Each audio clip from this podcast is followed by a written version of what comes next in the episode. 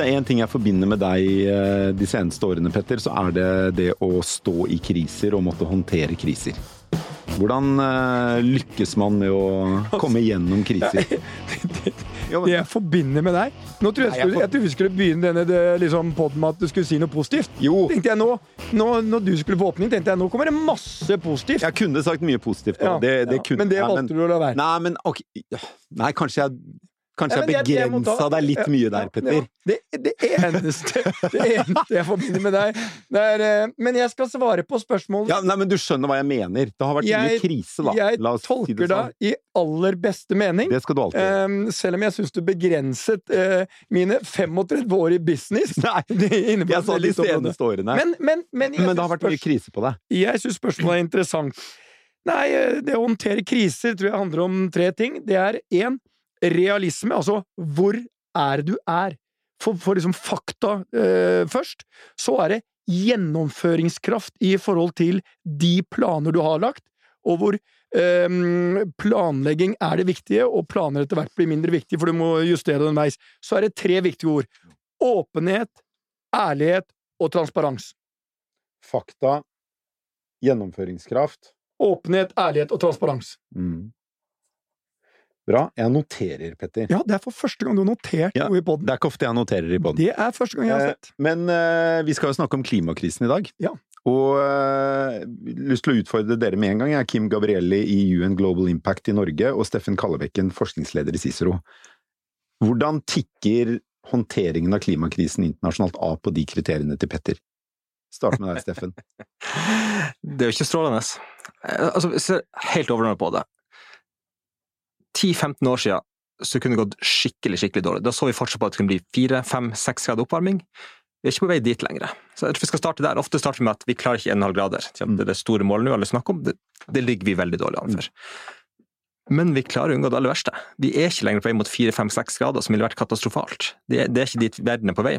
Har vi, har vi gjort så mye at vi unngår det? det er også det at man bommer nok litt for 10-15 år siden. Det, er ikke så mye kull og olje som verden var interessert i å grave opp og, og forbrenne som vi trodde da. Men vi er på et litt bedre sted enn vi trodde vi ville vært for 10-15 år siden. Og politikken har litt med det å gjøre, mye med markedet. Eh, Elbiler, batterier, fornybar energi kom mye fortere enn man trodde. Så det, er, det ser litt bedre ut enn det gjorde for 10-15 år siden. Så jeg tenker det er fint å starte der er i stedet for at vi bommer Er på morgenen. er det tre grader vi er på vei mot? I underkant av det. Altså, det spørs hvor mye du tror på politikken. Enkelt sagt mellom to og tre grader. To grader til og med under hvis du tror på alt av løfter fra politikerne. Nærmere tre grader øst er mer skeptisk. Ja, for og dette forutsetter jo at alle, alle målene man har satt fram, eh, at man faktisk gjør det. Ja, riktig. Så, så det, det, det er et stort sprik der. Og det spørs jo Jeg har stor tillit til menneskeheten, men eh, ja, så det, det er et stort sprik, for det kommer an på hvor mye tiltro du har til det, hva slags, hva slags type løfter tror du på, skal du tro på det som faktisk blir gjort, eller det som blir lovt, det spriker veldig. Mm. Men mellom to og tre grader, tre grader er ikke bra, men heldigvis ikke fire eller fem eller seks grader. Fakta Men er jo Kim, men, men, som, eh, men, men Kim må også få lov til å svare på spørsmålet. Fordi eh, Kim, det er, det er jo eh, paradokset her er at vi begynner med egentlig at ingen av dere tror på halvannen grad. Og det står fortsatt på agendaen. Så man har Vel- altså en krise hvor man har satt et mål som ingen tror på. ja, fordi, altså, nå snakker vi om å se på de tallene, da, som, eh, altså målene som er lagt fram så langt. Og da er det helt riktig at det ser jo ikke eh, så bra ut eh, akkurat nå, men det er vel to ting med det. Det ene er jo, som du er inne på, det er mange politikere som har blitt uh, sitert på at eh, det er ikke, ikke Kast bort en, en god krise, og vi er vel absolutt der nå. Uh, Dette er en mulighet for å gjøre endringer, og det går raskere, det akselererer. Men så akselererer det kanskje ikke raskt nok, eh, samtidig som hvis vi ser ti år tilbake, hvor vi var eh, ja, for ti år siden, så er det klart det har skjedd ekstremt mye. Og nå er det altså 80% av nyinvesteringene i, eh, i kraft er i fornybart og batteri, altså innenfor det området. Så, så det går i riktig retning, men det er jo veldig skeivt fordelt i verden, og det kan vi sikkert snakke mer om. I denne uken så er det jo et klimatoppmøte. Det kalles COP. Er det COP 27. 27 det kalles? Ja. Det er riktig. Eh, det finner sted i Sharm el Sheikh i Egypt, eh, og skal vare en eh, drøy ukes tid. Nei, 14 dager. Er det, er det så lenge? Mm. Eh, formålet med det møtet er jo å finne ut av hvordan man skal eh, begrense den globale oppvarmingen til halvannen grad. Ikke sant? Vi står fremdeles på det målet. Vi har stått på målet, og det, var, jeg må bare si at det målet er, har fungert bedre enn jeg trodde. Jeg var der i Paris i 2015 når de forhandla det fram. Mange var skeptiske, vi visste det var veldig urealistisk. Så det er en svensk en svensk forhandler, som sa ja, men hvis vi sikter på månen, så kanskje vi lander på taket, i hvert fall. Og da hadde hun veldig rett, jeg har tenkt mange ganger etterpå. For det som har skjedd, er at mange vet urealistisk, det er tøft. Allikevel så det ført til at man tenker på en helt annen måte. Vi skal ikke kutte utslippene litt, vi skal ikke kutte 5-10-20% vi skal fjerne utslippene. En gang rundt midten av århundret skal helst alle utslipp være borte. Mange land, bedrifter, setter seg mål om netto nullutslipp. Det, det forandrer måten vi tenker på det. Så det virker usannsynlig å nå målet. Men det har likevel ført til ganske mye med endring, og mer enn jeg ville trodd tilbake i 2015 da jeg var der og var skeptisk til at det målet ble satt. Når uh, skal du til Sharm el Sheikh også, Steffen? Skal ikke det. Nei, jeg har vært skal, mange før, men ikke i år. Du skal, Kim? Jeg skal heller ikke, hvor styreleder drar. Styrelederen ja. drar, ja. ja. på det møtet, da må vi jo over i spekulasjonens verden, da, men tror dere på det møtet i Sharm el Sheikh at den åpenheten som dere har her i dette rommet, er like til stede når det gjelder realismen i 1,5-grademålet? Uh, jeg, jeg, tror det er én ting som utfordrer det, og det er egentlig en spørsmål som vi kan uh, hva skal vi si, oppsummert si skal det globale sør bli helt eller offer? Uh, det handler rett og slett om at jeg tror vi klarer å få til en god del av kuttene som vi har lovt i det globale nord. Men sånn som det er nå, så er det fortsatt sånn at Frankrikes økonomi er like stor som de 54 afrikanske økonomiene til sammen. Ja. Eh, og så kommer vi til 2050, så skal en fjerdedel av verdens befolkning bo i Afrika. Hvordan skal vi få til det? Altså En enorm vekst. Hvor skal de jobbe, og hvordan skal vi få de til å jobbe inn i det grønne? De kan være heltene, for de kan være de som bygger de nye grønne industriene ja. sammen med oss, eller de kan bli ofre. Og det er tror jeg, den største utfordringen for uh, COP27. Det er uh, forventningene Og her er jeg på, jeg merker jeg på veldig tynn is her. når jeg skal dra startet veldig sånn Forventningene fra en del av de afrikanske land og en del andre land som er mest utsatt for de endringene vi ser, er at de vestlige verden skal kompensere inn i et fond for de utslippene de har stått for, og det skal være med å ta den verden som blir rammet hardest, øh, gjennom den krisen som vi ser komme. Um, og der har jo et uh, litt sånn Du har en sånn uh, problemstilling uh, som er sånn damn if you do, damn if you don't, ved at uh, idet de vestlige landene bestemmer seg for at det skal vi gjøre, så erkjenner de også at det er vi som har skapt problemet. Så det er på mange måter sånn men, eh, der, men, nå skal dere få lov til å kommentere min da eh, høyest amatørmessige analyse av den store utfordringen på COP27. Ja, du, du, har forberedt deg godt, jeg er imponert. Det, det, er den viktigste, kanskje viktigste og vanskeligste saken. De skal også snakke om andre typer finansiering, men det, det, du snakker om det, det de kaller tap og skade i forhandlinger. Mm. Og det er vanskelig. For det er jo helt åpenbart at vi rike land har bidratt mest til klimaendringen historisk. Vi har påført skade på andre land. De har helt legitim interesse og behov for å skaffe finansiering til det. Også rike land, spesielt USA, livredd for at det å gi penger skal på en måte innrømme noe slags skyld, at det er noe ansvar, og at da kommer en strøm med søksmål og mye mer penger enn det man ville til i utgangspunktet. Så Derfor har det vært så utrolig fastlåst i mange år, dette med at det er helt rettmessige krav om erstatning, eller i hvert fall hjelp, bistand, opp mot den frykten for at det skal utløse noe mye større. Og Derfor har det vært så veldig fastlåst. De skal opp i år, og det er første gang det er så tydelig på agendaen. Det har vært oppe i mange år før, men det er veldig tydelig på agendaen i år, veldig tydelig press, og det gjør nok til et veldig krevende møte i år. Jeg, jeg tenker jo at kanskje for, for lytterne så er det viktig å forstå litt hva klimafinansiering er, at ikke det bare er det tapt og skade, mm. som du snakker om nå, som er det liksom, ja, den varme poteta, for å si det sånn. men men selvfølgelig også tilpasning. Eh, hvorfor er det sånn at det nesten ikke er noen værmeldinger i det globale sør sammenlignet med globale nord? ikke sant? Altså det er jo helt, hvordan skal du da planlegge? Tsunamivarsel. Eh, og så har vi selvfølgelig det som det har vært mye snakk om, og det er liksom de utslippsreduserende tiltakene, eller det vi vanligvis tenker på som klimainvesteringer. Hvordan går vi inn i ikke sant? Norfund i Norge går inn og betaler for vindparker i Sør-Afrika, for eksempel. Og jeg har hørt deg snakke om dette her før, Steffen, og da sa du vel at Nesten alle pengene går inn til, inn til eh, investeringene, og mye mindre til tilpasning eh, og tap og skade. Ja. Eh, og det er jo krevende. Ja. For dette skjer jo nå, mens investeringene er jo liksom ti år fram i tid ofte, at vi får se noen resultater. Men rett å forstå økonomisk. Hvis du bygger et solkraftverk, så har du noe pengestrøm tilbake igjen. Hvis du bygger flomvern og unngår at en landsby blir tatt i flom, hvor er pengestrømmen? Det er derfor det er så mye lettere å skaffe investorer til å investere i utslippskutt enn i tilpasning. Tilpasning er veldig viktig. Helt avgjørende for Afrika, andre verdensdeler, men, vi, vi, vi, men vanskelig å skaffe penger til. Tema, vi må komplisere dette ytterligere et hakk. og nå, uh, Steffen Kim får dere korrigere meg, men jeg vet ikke om det var i Paris, hvor de også diskuterte liksom dette klimafondet som skulle være på 100 milliarder, altså gigantfond. Er det samme rundt dette som det er på veldig mange andre kriser, at mange land kommenterer seg, står i forskjellige forsamlinger mm. og lover, og så er det en enorm avstand fra kommentert så og så mye til faktisk å betale så og så mye. Norge er et av de få hederlige unntakene. Har de sagt vi kommer med fem milliarder, så kommer det fem milliarder, prikk. Men veldig mange andre land, idet liksom eh, krisen fader over til noe annet, eller det skjer en annen ting, så glemmer de litt den forpliktelsen og kommenteringen, og lover penger til et nytt eh, fantastformål er, har dette vært øh, liksom øh, det samme vi ser øh... Utfordringen er at vi sier ikke 'vi, Norge, lover 5 milliarder'. Vi sier 'vi, de rike landene, lover 100 milliarder'. Ja. Ikke sagt 'vi skal ta 5, vi skal ta 10, vi skal ta 20'. Så det gir et kollektivt mål. Til sammen skal vi gjøre dette, så det er ikke avtalt hvem som gir hvor mye. Når det er sagt, så er det ikke bomma helt forferdelig. Målet var helt riktig 100 milliarder dollar i året ja. innen 2020. I året. I året. I året. De havna på altså, noen 80 milliarder. 1000 milliarder, eh, en tolvtedel av oljefondet. Mm. Ja. Så man, man, er uenig om akkurat hvordan man skal uh, telle med hva som Men, men det er så enig om at de bomma, men kanskje noen 80 milliarder av 100. Så det var ikke helt skive. Oh, ja. Litt optimisme her, altså. For ja, her har man kommet nærmere enn det kanskje noen ville trodd. Og det er klart at nå er vi, som du helt riktig sier, det er alltid noen andre forstyrrende kriser i ditt eget land, så hvorfor skal du da gi penger? Nettopp. Men eh, altså, det at vi har kommet til liksom 80 eh, av Det er jo faktisk mye bedre enn det kanskje skeptikeren ville trodd. Så, men, ja. men, så er jo spørsmålet om vi klarer, for dette skal gjentas hvert eneste år ikke sant, framover. Så det er jo det som blir den store testen, om vi klarer det eller ikke. Er dette eh, fondet og størrelsen på på det, og om bruken av pengene i dette fondet noe av det viktigste som diskuteres på COP i år? For først, det er ikke ett fond, det er en sum. De kan gjøre på mange måter. Kan gi -hmm. penger direkte til andre, så det, det, skjer på ganske mange forskjellige måter. Det finnes ett fond, men ikke alle pengene er samla der. Mm. Men ja, de skal snakke om klimafinansiering. De skal sette et nytt mål. Hva skal det være? Skal det være 200 milliarder? Skal det være 1000 milliarder i året? Stor uenighet. Men ikke minst, hva skal du telle med?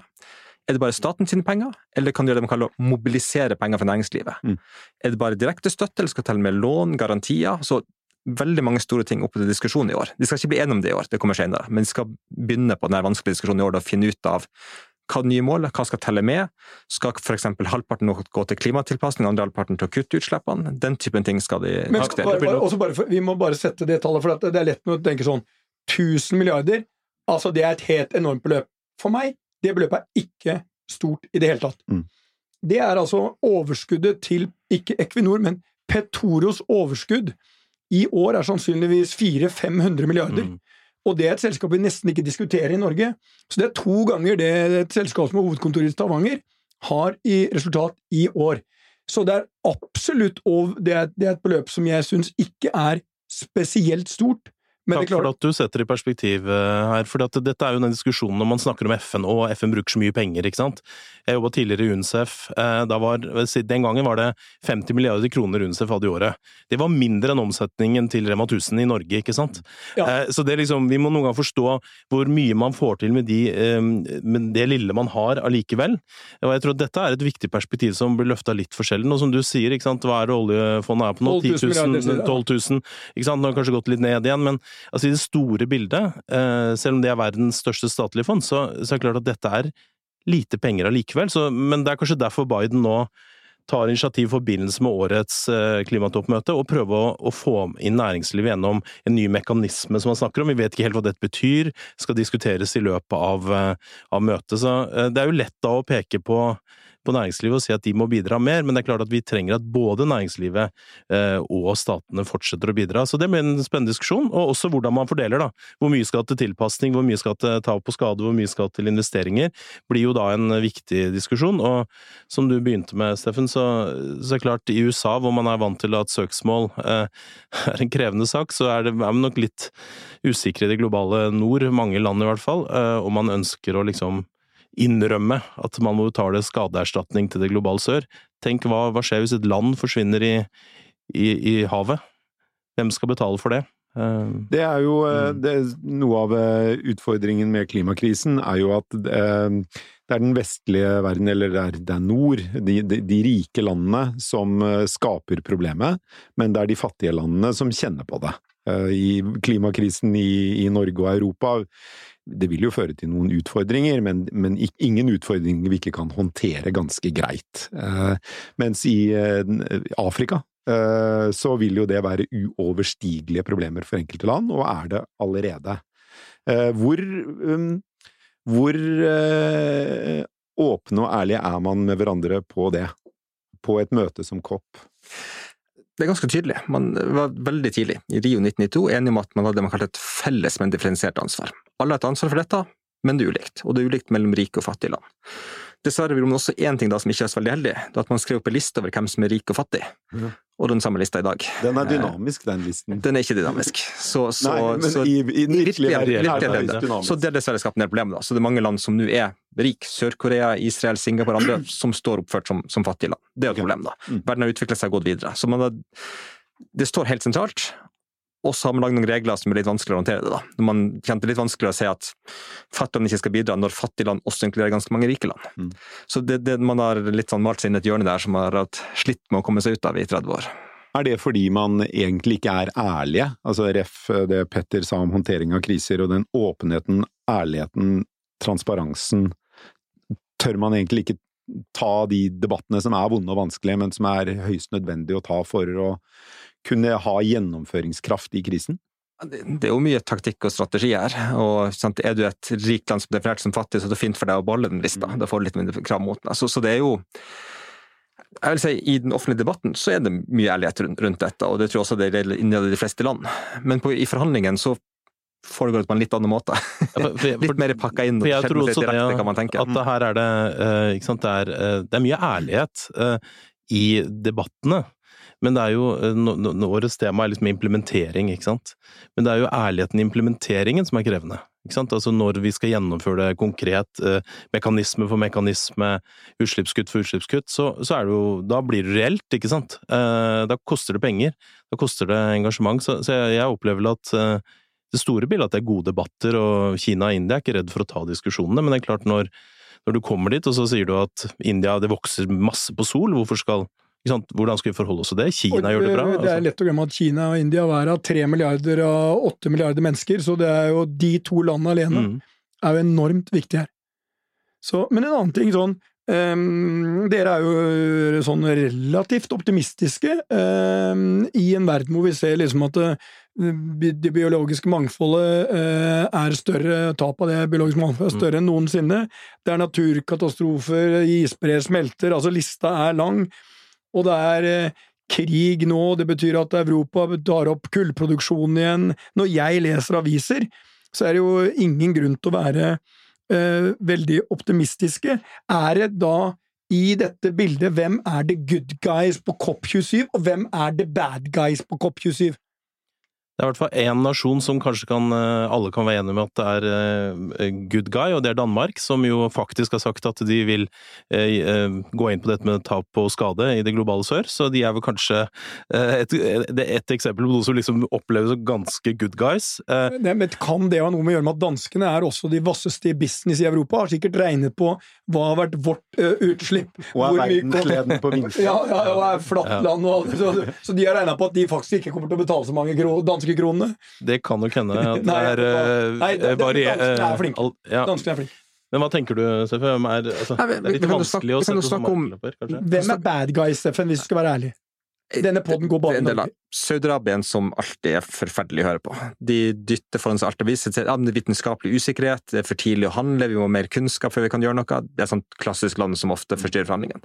India og Kina bremser også ofte. Men jeg tenkte vi kan godt snakke litt om altså, har jo, India har jo fattig befolkning. Det er et stort land, en stor økonomi, men veldig mange er jo lutfattige i det landet. De har jo helt genuine interesser for å utvikle landet sitt, økonomien skal vokse, folk skal få det bedre. Det, det, så det er gode grunner til at de er redd for å få pålagt seg bindinger på hva de kan gjøre. Men, og det interessante er, eh, hvis du husker han der eh, avdøde svenske forskeren Hans Rosling, mm. han viste jo oss alle de her kurene at verden blir stadig bedre, det blir færre og færre fattige, flere og flere unge jenter får utdannelse, alt det. Første gang nå på veldig mange tiår så øker antall fattige i verden. Så det problemet du tar opp der, Steffen, tror jeg er betydelig. India Altså, se på Vest-Pakistan, eller det som nå er Bangladesh etter 1971 eller. Eh, det er jo de som fikk flommen. klart det er vanskelig for de å prate om annet enn å eh, få begrenset dette neste gang. Eh, vi må ha noe, vi må ha mat på bordet, og vi må liksom sånn. Så, Dette er selvfølgelig riktig, ikke sant. Tallene ekstrem fattigdom fra 1990 til Mm. 2000 og ja, rett før korona gikk i riktig retning. Ja. Nå har det snudd. Eh, men jeg tror at her er det en annen good guys som vi ikke har snakka om, og det er næringslivet. Eh, vi, nå har det jo ofte blitt sagt at næringslivet ligger i forkant av politikerne. Jeg syns jo norske politikerne begynner å ta igjen litt.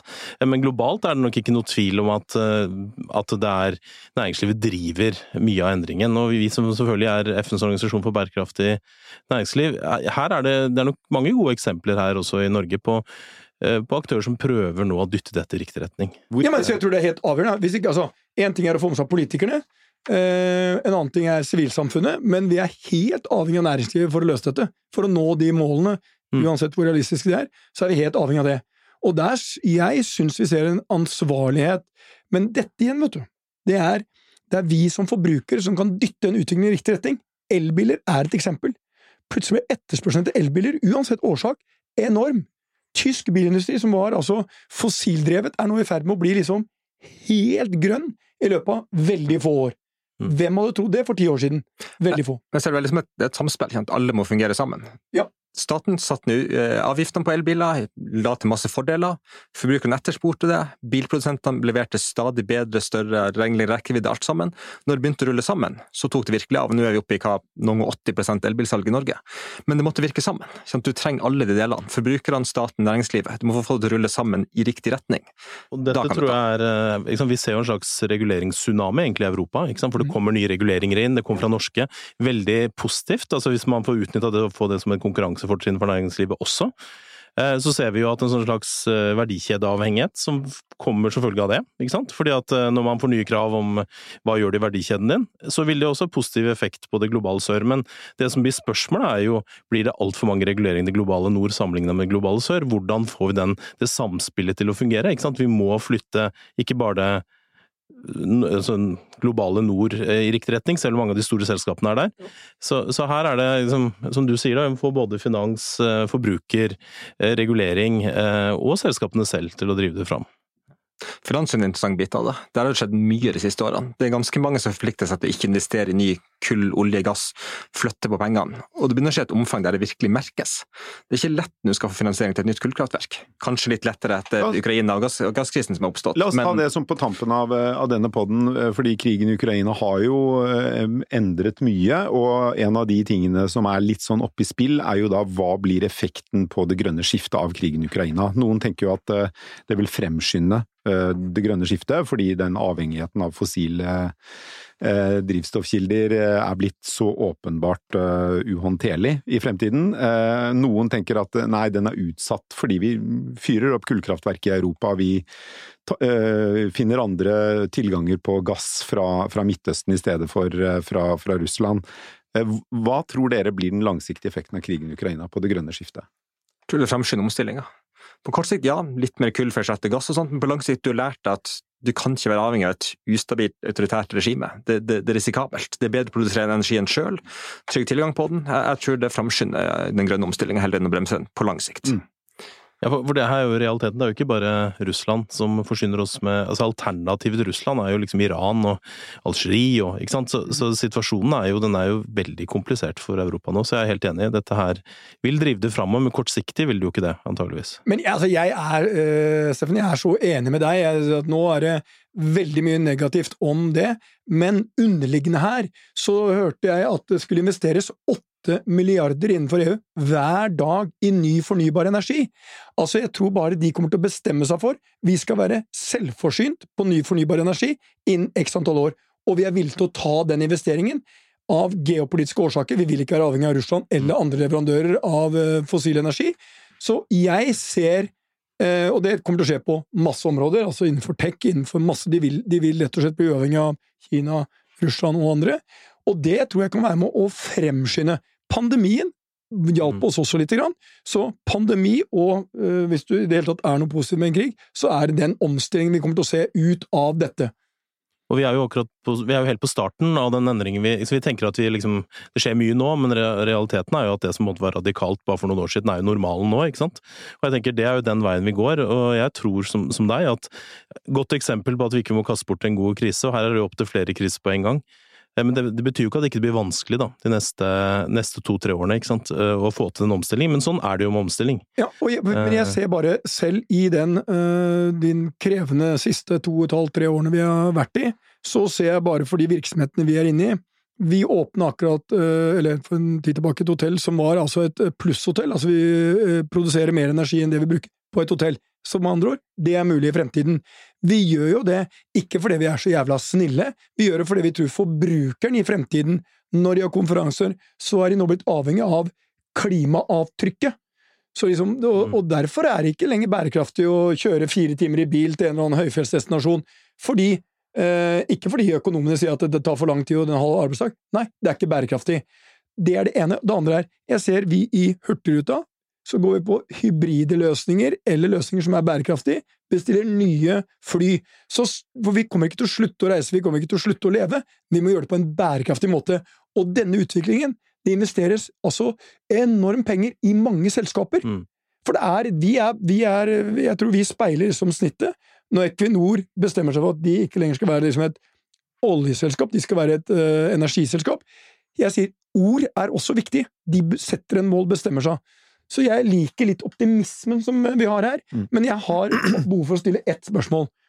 Um, og det går først til deg, Kim. Uh, hvis du hadde kunnet bestemme, hadde du lagt COP27 i Sharm el Sheikh i Egypt?